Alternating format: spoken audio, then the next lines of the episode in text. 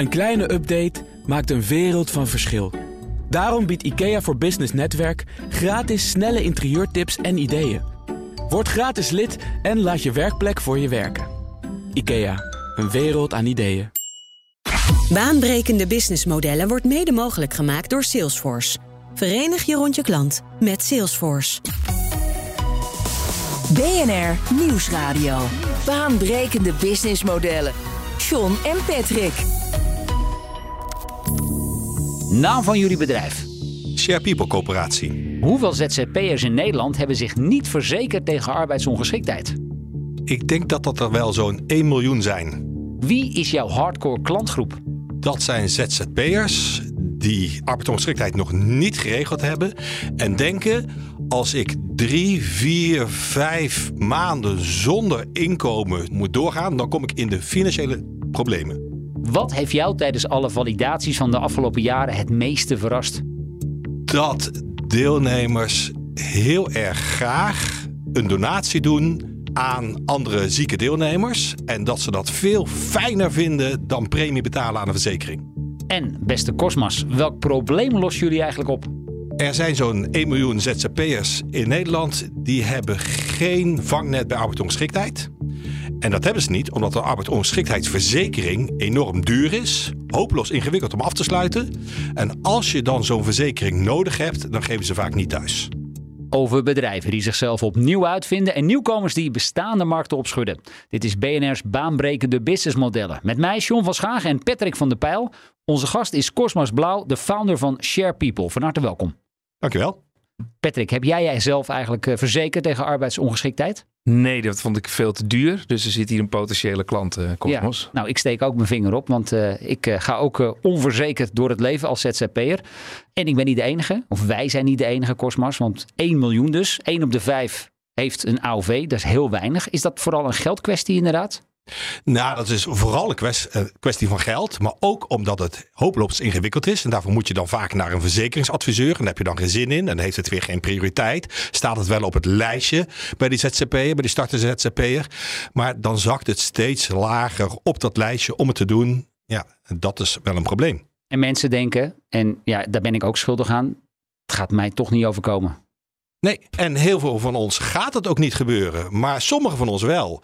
En uh, ja, vaak ben je dan ook wel weer na een paar maanden weer beter. Hè? Een hernia of zoiets dergelijks. Nou, dan lig je er even uit. Maar ja, goede kans dat je daarna weer kan doorwerken. Maar helaas gebeurden er ook hele vervelende dingen. En dan is het financiële risico om 30 jaar geen inkomen te hebben. Ja, dat is wel een heel groot probleem. En dat zien wij in Nederland ook als een groot maatschappelijk probleem. Omdat al die ZZP'ers dan een beroep zouden moeten doen op de bijstand of iets dergelijks. En die waren dit programma aan het voorbereiden. En dan hoor ik over jouw concept. En dan denk je aan de ene kant, ja, dat is eigenlijk heel simpel. Maar als je het even doordenkt, denk je, oké, ik zou niet weten waar ik zou moeten beginnen om dit uh, aan de man te brengen, om het niet zo ingewikkeld te maken. En wat bedoel je daarmee?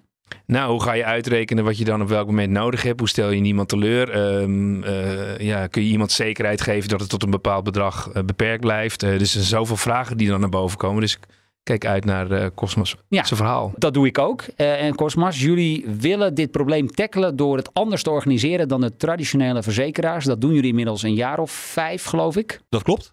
Het is een soort peer-to-peer concept. Even in de kern, hoe werkt het?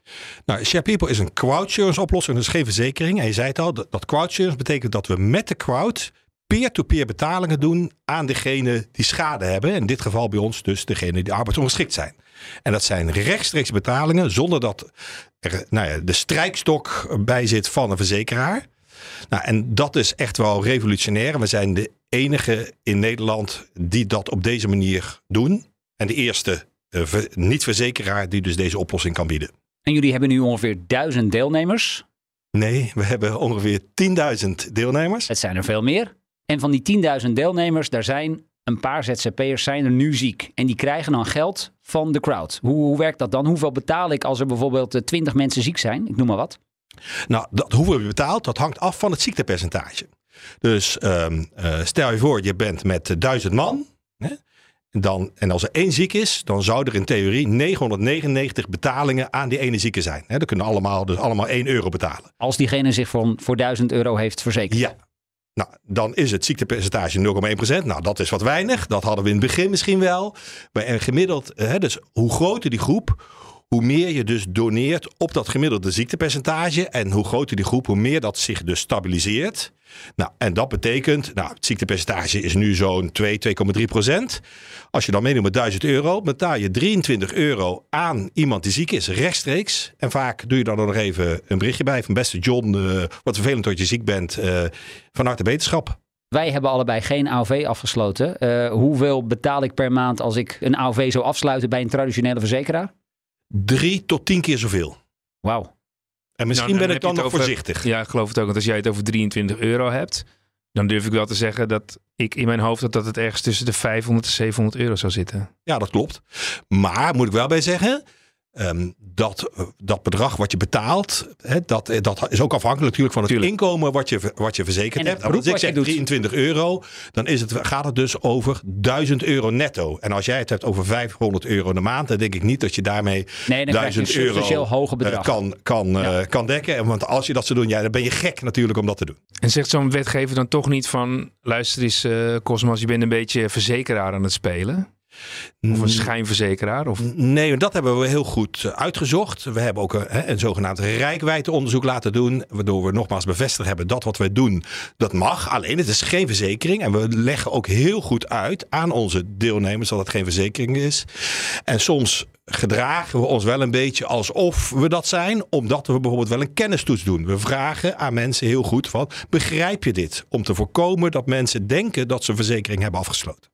Waar zit jullie voor die model? Nou, eh, wij verdienen dus niet aan de premie of een percentage van de premie, maar wij verdienen voor onze dienstverlening. Hè, dat is eh, niet alleen maar dat, hè, dat crowdsurance deel, maar dat is ook eh, eigenlijk de arbodienst voor ZZP'ers, Share People Crowdability. En doe je mee aan Share People lang, dan betaal je ons 15 euro in de maand. Doe je mee aan Share People kort, dus die tweejaarsdekking die we tot nu toe hadden, betaal je een tientje in de maand. Mag ik dit dan ook een broodfonds noemen? Want het lijkt er wel heel erg ja, op. die tweejaarsoplossing die lijkt in die zin omdat ze dat ook samen doet. Maar eigenlijk zou ik eerder zeggen dat een broodfonds een soort van verzekeringsoplossing is. Want daarmee, hè, die hebben allemaal kleine spaarpotjes. Hè, een soort centrale kas, zoals de verzekeraar ook heeft. Alleen zij doen het op hele kleine schaal. En wij denken dat zo'n kleine schaal niet verstandig is. Zeker niet als je lange termijn risico's wil dekken. Dan heb je juist heel veel eh, eh, mensen nodig. En dan heb je ook een schaalbaar businessmodel no- nodig. En dat is eigenlijk dat broodfonds niet. En als ik bijvoorbeeld ehm, klant wil worden, ehm, dus na deze uitzendingen hebben we een deal. Krijg ik dan nog een keuring of een intakegesprek? Of, of... Nee, je, kijk, eh, pas op het moment dat je arbeidsongeschikt wordt, dan gaan we kijken, bijvoorbeeld, wat is jouw inkomen geweest voordat je ziek werd? Dan gaan we ook eh, soms kijken van, nou ja, klopt het wel dat je arbeidsongeschikt bent? Ehm, en we krijg, je krijgt ehm, op het moment dat je bij Share People lang mee gaat doen, een aantal vragen voorgelegd die je moet beantwoorden. En op basis van dat antwoord word je wel of niet toegelaten. En wat zouden redenen zijn om Patrick bijvoorbeeld eh, de deur te weigeren? Dus die vragen die zijn heel simpel. Wij kunnen niet een engelange me- medische verklaring eh, eh, doorlopen. Er is ook geen, op die manier geen arts die ernaar gaat kijken. We kunnen dus ook niet verder doorvragen, wat veel verzekeraars wel doen. En dat, nou, dat, dat duurt dan soms ook eh, een paar maanden voordat je uiteindelijk goedgekeurd wordt. Maar een reden zou bijvoorbeeld kunnen zijn dat je rookt. En dat heeft ook een beetje mee te maken dat wij onze, de, de, onze deelnemers die met ons meedoen ook een beetje moeten beschermen. Maar ook is een mindset. Hè, dus eh, de- roken is een van die vragen die we daarvoor stellen. Maar ook de vraag bijvoorbeeld, eh, ben, ben je onder behandeling van een, van een arts? En als dan blijkt dat iemand dat bewust fout heeft ingevuld, dan kun je hem alsnog achteraf kunnen wijzen. Ja, misschien denken we wel veel te moeilijk hoor. Dan denken we dat de helft van de mensen met een soort fraude-idee daarachter Ja, zit. Maar dan, hè? Ja, Ja. dat blijkt in de praktijk mee te vallen. Nou, dat blijkt enorm hoor. mee te vallen. Maar eh, ja, verzekeraars eh, die, die zijn heel erg op dat controle gericht. En Ja. nou, ik, ik geloof veel meer in eh, nou ja, de Semco-staal. Dus, we, dus, dus om dat niet allemaal te controleren vooraf... en uitgegaan van dat vertrouwen, dat werkt veel beter. Maar ja, op het moment dat iemand arbeidsongeschikt is... ja, dan moeten we dat wel toetsen. Maar ja, dan hoeven we dus veel meer, minder mensen te toetsen dan... eh, da- dan vooraf. En dat is dus ook veel makkelijker om het te doen. Want ja, soms is het evident dat iemand arbeidsongeschikt is. Ja. En ik had het, een, een, een vriend van mij een tijd geleden was arbeidsongeschikt. En wat mij toen opviel is dat hij tijdens zijn arbeidsongeschiktheid een uitkering kreeg, maar nog steeds ook premie moest betalen. Eh, toen dacht ik, die had ik zelf gemist. Alleen als eh, John nu eh, arbeidsongeschikt is eh, en ik help John, hoe werkt dat dan voor mij elke maand? Hoe, hoe doen jullie dat? John hoeft dan geen donaties te doen aan al. Hè, als John ziek is, hoeft hij geen donaties te doen aan andere Ja, zieken. dus daar ben je van vrijgesteld. Daar ben je van vrijgesteld, dus dat hoef je dan niet te betalen. Maar als jij nu, eh, nee, eigenlijk moet ik het anders zeggen. Als John in het verleden die donaties niet heeft gedaan, ja, dan heeft hij nu eigenlijk geen rechten. Hè, dan zeggen dus de andere deelnemers zeggen van ja, dank je de koekoek, jij hebt ons niet geholpen, wij helpen jou niet. Ja, logisch. Zo werkt het. En Ja. voor mij betaal ik dan aan een bankrekening of wordt geïncasseerd en jullie doen de verdeling naar de. Nee, dat gaat dus niet via onze bankrekening. Wij hebben hier eh, nou ja, iets gebouwd, eh, onder andere ja, met payment service providers, onder andere met, eh, met Molly. Eh, dus we hebben een algoritme gebouwd waarbij we heel snel kunnen zien of een tikkie via iemand anders betaald is. Dus dat kunnen wij monitoren. Ja, maar het is dus ehm, het is niet verplicht. Maar doe je het niet, het betalen, dan kun je daar in de toekomst mogelijk last van hebben. Ja, dat is de juridische constructie zoals we dat eh, gedaan hebben. Dus we hebben geen polis met, er is geen polis met ons afgesproken, maar het is dus echt een onderlinge. Patrick vroeg aan het begin zich af van, goh, hoe doe je dat met zo'n concept? Van welke getallen ga je uit in het begin? Ik kan me voorstellen dat jullie aanvankelijk de nodige aannames hebben gedaan om te toetsen of dit model uit kan financieel. Nou ja, in het begin hadden we natuurlijk nog niet zoveel van die data zelf. Maar moesten we eh, ons baseren op data van CBS, eh, TNO, op van een aantal arbeidsdiensten, sommige verzekeraars. Maar die verzekeraars zijn er eigenlijk niet zo scheutig mee om dit soort eh, zaken te Nee. delen. Ehm, maar inmiddels hebben we veel meer data, ook van onszelf. En wat we in het begin zagen is dat het ziektepercentage in Nederland gewoon van werknemers is zo 4, 4,5 procent. Nou, ook dat zien we wel enorm toegenomen. Dus daar zijn we een beetje van uitgegaan. En met de hypothese, die ZZP'ers die zijn substantieel minder ziek. Die willen veel minder ziek zijn. Nou, dat komt inderdaad wel uit. Dus eh, die ZZP'ers zijn inderdaad veel minder ziek. Die doen er alles aan om, om te blijven ondernemen. Sterker nog, waarbij je een werknemer misschien soms een beetje moet duwen om naar het werk te gaan, moeten we ZZP'ers hè, met onze Share People Accountability dienst juist een beetje afremmen om weer snel, te snel aan het werk te gaan. BNR Nieuwsradio. Baanbrekende businessmodellen. Met deze keer Share People, dat nu ook een AOW tot de AOW-leeftijd aanbiedt. En daarover zometeen meer. Maar eh, nu eerst een alleraardigst artikel in eh, Ink.com. Van een poosje geleden alweer, Patrick. Maar wel de moeite waard, omdat het zo goed bij ons programma past. Over de groei van Slack. Ja, ik werd getriggerd door de kop van het verhaal. Eh, er stond namelijk hoe een simpele marketingtruc Slack negen jaar geleden hielp om een bedrijf te worden met een waarde van eh, 27 miljard. Ze hadden destijds in 2013 een mooi chat systeem gebouwd. Eigenlijk vergelijkbaar als een soort eh, WhatsApp. Maar er was wel een duidelijke marketinguitdaging, want klanten zaten namelijk daar niet, op, daar niet op te wachten. En een mooie quote uit het artikel: Een oplossing is geen oplossing als je klant niet realiseert dat hij een probleem heeft. Ja, en toen bedachten ze, we gaan niet onze specs communiceren. Maar het gaat meer om het gevoel dat het je geeft. Wat het je oplevert. Klopt. En ehm, je ziet dan dat je uiteindelijk meer ontspannen en productiever bent, omdat je informatie eh, binnen één zoekopdracht vindt en je niet langer overstroomd wordt door informatie. Dus je raakt niet gefrustreerd omdat je denkt, oh, ik weet niet wat er in de rest van het team speelt. Ehm, en je gaat veel doelgerichter communiceren. Ja, en dat ligt dus allemaal ook weer op die lijn van slimmer samenwerken. En ja, wat je zelf ook al noemt, hè, tijd, frustratie besparen. Ja, dus het zat veel meer de focus op eh, organisatorische transformatie. Dus een veel groter, hogerliggend eh, doel. En mensen en teams helpen om productiever te worden. eh, doordat je dus een chatkanaal inschakelt. En eigenlijk wat Slack ging verkopen was gemak en minder informatie overload. Kortom, het maakt klanten eigenlijk niet uit wat je ze verkoopt. Het gaat erom wat het, je, wat het eigenlijk oplevert en wat het probleem is dat je voor ze oplost. Nou, dan is de cirkel weer rond, hè? Het haakje naar ons eh, programma. Zo is dat. Dankjewel eh, Patrick. Ehm, ja, het probleem dat Cosmas Blauw van Share People wil oplossen, dat hoorden we zojuist al. Ondernemers die zichzelf niet hebben verzekerd tegen arbeidsongeschiktheid. En dat zijn er ruim een miljoen in Nederland. En twee daarvan staan hier in de studio. Cosmas, in jouw businessmodel was het tot nu toe steeds, eh, we keren maximaal twee jaar uit. Met als idee, na twee jaar begint de bijstand. En nu bied jij ook de optie verzekeren tot je AOW-leeftijd. Hoe krijg je die rekensom rondgerekend? Nou, die rekensom die hebben we niet helemaal rond kunnen rekenen. Gewoon omdat het nog niet bestond, dat wat wij doen. Wat we wel weten is dat verzekeraars hier een premie voor betalen. En we weten ook die premie, nou daar gaat maximaal 50% gaat hiervan op aan schade. En de rest gaat dus op aan allerlei kosten. En het verzekeringsmodel is ook heel erg duur. En verzekeraars hebben het heel erg duur gemaakt. En het grappige is, kijk, als nou de beleggingsresultaten tegenvallen, dan gaat jouw premie omhoog. Als de beleggingsresultaten meevallen, gaat je premie nooit omlaag. En een relatie van mij, die is stucador en die uh, wordt wat ouder. Die is zeg maar nu boven de 50 en dan krijg je al een waarschuwing van een verzekeringsmaatschappij. Tot je 55ste kunnen je verzekeren en dan houdt het voor ons op. Um, wat, wat is daar de reden van? Nou, dat komt omdat die zware beroepen, hè, die kun je eigenlijk vaak niet zo lang uh, uitoefenen. Dus dat is, dat, is ook dat is ook dat maatschappelijke probleem waarom we, of de overheid heeft gezegd van ja, er moet een verplichte arbeidsongeschiktheidsverzekering komen. Of er moet een oplossing komen voor die mensen met zware beroepen met name, die dat dus niet kunnen dragen. En daar ben ik het op zich wel mee eens, dat er iets moet komen om dit soort groepen op te vangen. Of dat dan alleen voor ZZP'ers moet. Of dat dat voor alle werkenden moet. Hè? Want het is wel een beetje gek dat, dat, dat we dat wel voor werknemers hebben geregeld op deze manier. Maar dat we dat niet voor ZZP'ers hebben geregeld. Dus dat kunnen we wel oplossen.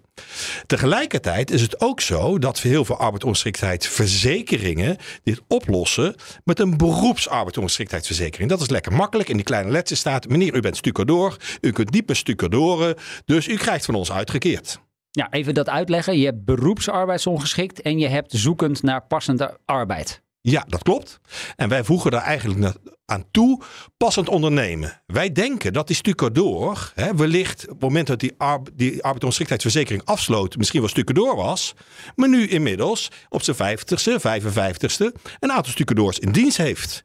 En hoeft hij misschien zelf niet meer als stucadoor te werken, maar is hij gewoon ja, een soort van aannemer eigenlijk geworden. Nou, dat vak kan hij natuurlijk prima blijven uitoefenen. Of hij zou bijvoorbeeld ook ander passend werk kunnen vinden. Het zij als ondernemer, het zij in een andere functie. Ja, dus wij gaan eerst kijken hoe kunnen wij, hè, als je dus dan arbeidsongeschikt wordt, hoe kunnen we jou toch als ondernemer weer aan het werk krijgen? Eh, even zo'n polis, hè? voor mij als ZZP'er bij Share People Lang, want zo heet het concept. Wat betaal ik precies? Uh, welke opties heb ik? Uh, hoe ziet dat eruit?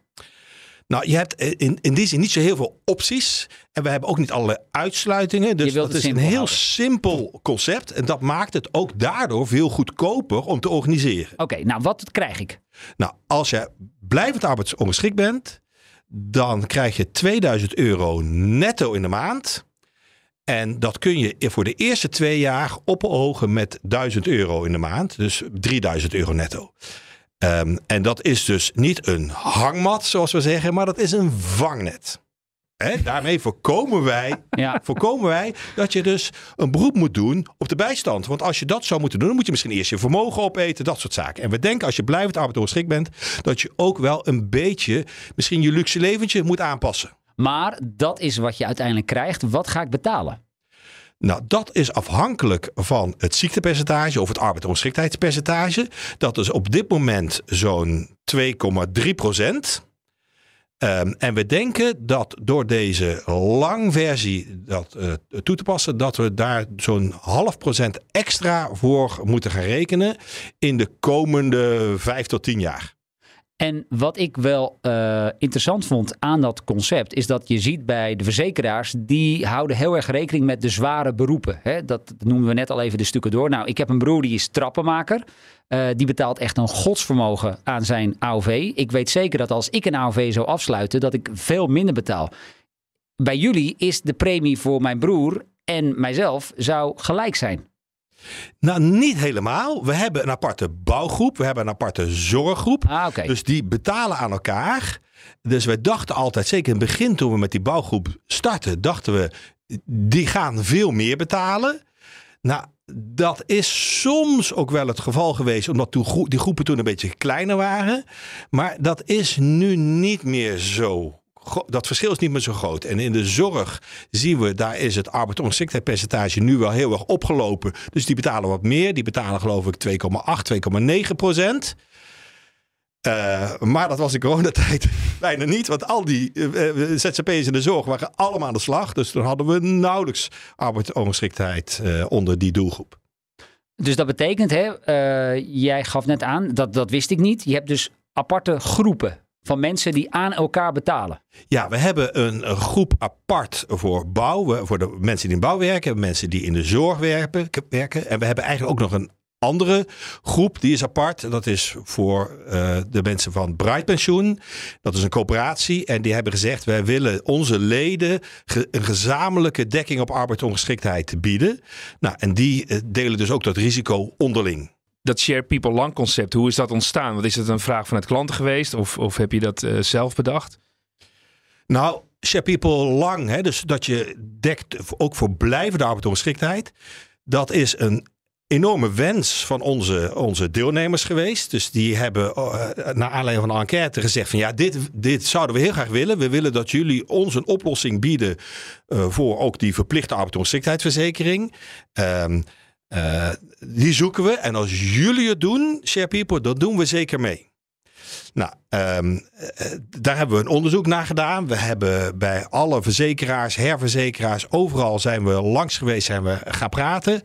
En we zagen eigenlijk, ja, dat is toch niet de oplossing die we willen bieden, omdat het te ingewikkeld werd. Maar ook omdat we die begeleiding die wij uh, voor ogen hebben, eigenlijk die werd niet geboden door verzekeraars. En ook arbeidsdiensten konden die begeleiding niet bieden, omdat die heel erg gericht zijn op werknemers en niet op ondernemers. En dat is een significant verschil, zeg jij? Dat is zeker een groot verschil.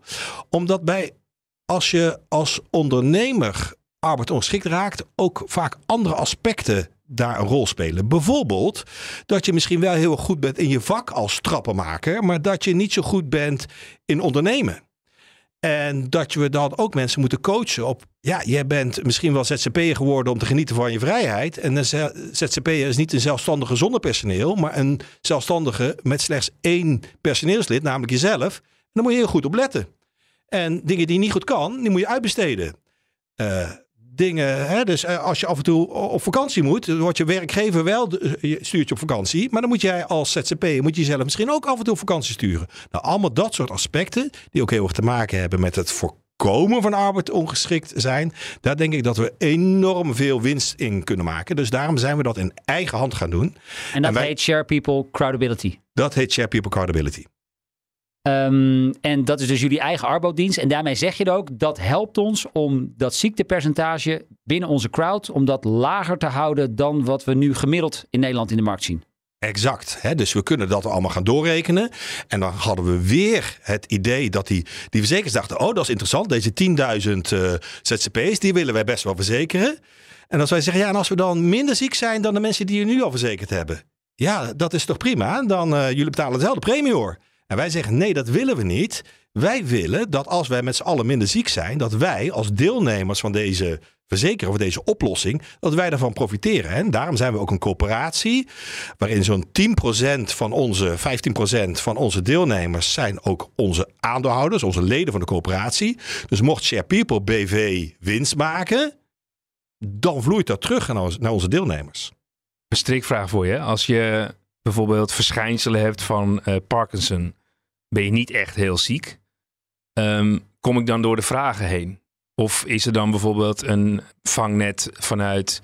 Als jij verschijnselen van Parkinson hebt en je bent daarvoor naar een arts geweest, ben je dus onder behandeling van een arts. Ja. Ja, en dan kun je dus helaas niet meedoen. Waar ik ook wel benieuwd naar ben, is dat dit hele concept, jij bent hier al jarenlang mee bezig. Jij hebt ongetwijfeld ook gesprekken gevoerd met de traditionele verzekeraars. Dat doe je nu misschien wel, misschien ook al wel over dit concept. Hoe reageren zij op jou en op jullie aanpak? Ja, soms ook wel een beetje geschrokken. Want uh, ja, er zijn er partijen in de markt die waren heel erg op onze doelgroep aan targeten. Dus, want wij hadden oplossing tot twee jaar. Dan zeiden ze, nou, kom daarna maar bij ons. En nu zien die groepen denken van ja, we sturen ze niet meer door naar jullie. Of jullie kunnen ze nu niet meer uh, um, afvangen door op Google op Share People te, te targeten. Um, uh, want we lossen dit nu zelf op. Dus ja, geschrokken. En dan kijk ik jou even aan, Patrick. Hoe kan het dan dat je bij de verzekeraars, voor hen is die groep van 1,2 miljoen ZZP'ers, want zoveel zijn het inmiddels, Je zou zeggen dat is een significante populatie, interessante doelgroep. En blijkbaar maken ze het voor hen dus toch nog te moeilijk om dit te kunnen afsluiten. Is het dat omdat ze dat niet kunnen of omdat ze dat niet willen? Is het risico te groot? Hoe kijk jij daarnaar? Ja, ik denk dat die vraag zou ik anders opvatten. Dus ik denk één is, uh, willen zij naar een doelgroep van die 1,2 miljoen? Ik denk dat ze het op ZZP hangt dat het wel iets omheen van, oh dat is allemaal ingewikkeld en zitten risico's aan vast. En uh, ik denk dat dat in de praktijk uh, meevalt, zoals Cosmas ook zegt. Alleen dit model wat hij aanbiedt, nou dat kan echt niemand. Dat kan echt niemand. Die gaan die verzekeraars nooit doen. Omdat ze dat te risicovol vinden, zit, te spannend. Het zit niet in hun infrastructuur, het zit niet in hun DNA. Um, ga jij maar eens als je bij zo'n verzekeraar werkt aan jouw controller uitleggen dat je dat op deze manier gaat doen. Die gaat al denken, ja, maar ons hele kostensysteem uh, gaat dan niet werken. En je moet wel aan denken aan een idee wat destijds bij Nationale Nederlanden voorbij kwam als een soort strippenkaart voor je autoverzekering. Dat als je je auto niet gebruikt, dat je niet betaalt. Nou, dat krijg je bij niemand er doorheen. Want die zeggen, ja, zo werkt het leven niet. Um, wij hebben onze tabellen en dan gaat er nooit erheen komen. Kijk, um, het is ook echt heel ingewikkeld. Het is echt een, iets wat wij doen, dat crowdsurance is echt iets anders dan verzeker, verzekeringen. En er zijn wel een paar partijen in de wereld die denken van, of die, die gedacht hebben, oké, okay, we kunnen die crowdsurance oplossing ook voor andere vormen van verzekeringen gebruiken. He, vaak stoppen ze dan in een blockchain. Um, uh, er is een initiatief geweest die op die manier onderlinge fietsen ging, uh, ging verzekeren. Er is ook wel eens een initiatief geweest die op die manier uh, ja, in, in, de techwereld, bijvoorbeeld telefoontjes en nou ja, dat, dat, dat soort zaken dan ging opvangen. Maar dat mislukte al vrij snel, omdat de solidariteit dan ook een issue is. En je moet voldoende omvang hebben om dit te kunnen starten. Nou, en met 10.000 man kunnen we dit wel. En we hadden dit nooit met 100 man kunnen starten. Dat was niet gelukt. Stel nu als ik na deze aflevering besluit om uh, inderdaad bij Share People klant te worden en dan een AOV af te sluiten of uh, een concept tot en met mijn AOW-leeftijd. Wat ga ik daarvoor gemiddeld per maand betalen nu? Um, daar ga jij zo'n 40 euro, 44 euro in de maand voor betalen. Uh, en dat is inclusief de fee aan Share People. Ja. Dan is het wel redelijk overzichtelijk, Patrick. Ja, John, ik denk dat je eerlijk moet bekennen, we hebben bijna 100 uitzendingen erop zitten. Ik vind dit wel een van de meest baanbrekende businessmodellen. Nou, kijk, die, dat compliment heb je in ieder geval vast te pakken. Waarom ik het zo'n baanbrekend businessmodel vind, is dat ik dit jou in de kroeg kan uitleggen en voorrekenen op een bierveeltje. En dat het ook een bedrag is waar je denkt van... hé, hey, dat kan ik makkelijk opzij, zo hoef je niet lang over na te denken. Plus het geeft je ook nog een heel goed gevoel als je anderen kan helpen. Dankjewel. Nog één laatste ding. En het is zojuist al even kort uh, aangestipt. Die verplichte AOV voor ZZP'ers is al een keer of tien uitgesteld. Maar laten we ervan uitgaan, hij gaat er komen. Binnen nu en twee, drie jaar gok ik. Is dat nou een zegen voor jullie? Of de vraag is natuurlijk in hoeverre de overheid jullie ziet als een AOV-oplossing. Ja, dat weet ik ook niet, want we weten niet hoe de overheid dit denkt te gaan oplossen. Want er zijn wel een aantal problemen. En jij zegt twee, drie jaar. Nou, ze zeggen 2027 op zijn vroegst, okay, maar waarschijnlijk ook 2029. Ah, okay. Maar een van de problemen is bijvoorbeeld ook toegang tot arbeidsgerelateerde zorg. En moeten we dat dan neerleggen bij het UWV? De UWV zegt no way. Um, de uitvoering, dit geld uh, ophalen bij de Belastingdienst, die hebben nog veel te veel problemen. Dus de, de uitvoering hiervan is nog enorm ingewikkeld. En verzekeraars zeggen: ja, dit gaan we niet doen. Tenzij we alleen, hè, wij alleen maar de goede uh, risico's kunnen krijgen. Die willen we wel hebben. Maar de slechte risico's, die willen wij niet. Dus ja, uh, het ja, kan okay. gebeuren. Het, het, zou kunnen. Maar stel dat het er uiteindelijk wel van gaat komen. Dan hangt het er natuurlijk heel erg vanaf voor jou of jij wordt gezien als een AOV-oplossing. En nou, als de overheid zegt van ja, dat is leuk wat jullie hebben bedacht, maar daar valt die verplichting niet onder. Ja, dan, dan, dan sta je schaakmat. Ik denk dat het daar wel op uitdraait dat zowel de, dat iedereen dezelfde oplossing zou moeten, moeten gaan hebben. Dus dan is dat niet share people, maar dan is dat iets wat, wat uh, uh, de overheid heeft geregeld. Net zoals dat we nu met z'n allen voor onze AOW betalen. Dus zo'n, ik denk dat we het moeten zien in zo'n soort generieke oplossing.